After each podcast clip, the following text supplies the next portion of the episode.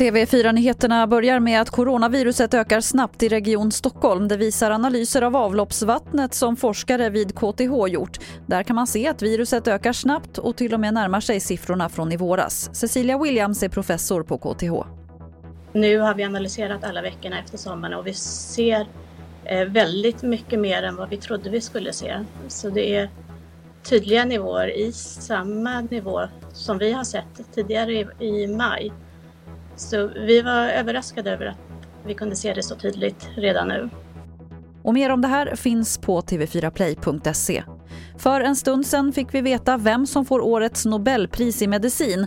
Och det kommer att delas lika mellan tre personer, Harvey J. Alter, Michael Houghton och Charles M. Rice. Det här priset får de för upptäckten av hepatit C-viruset.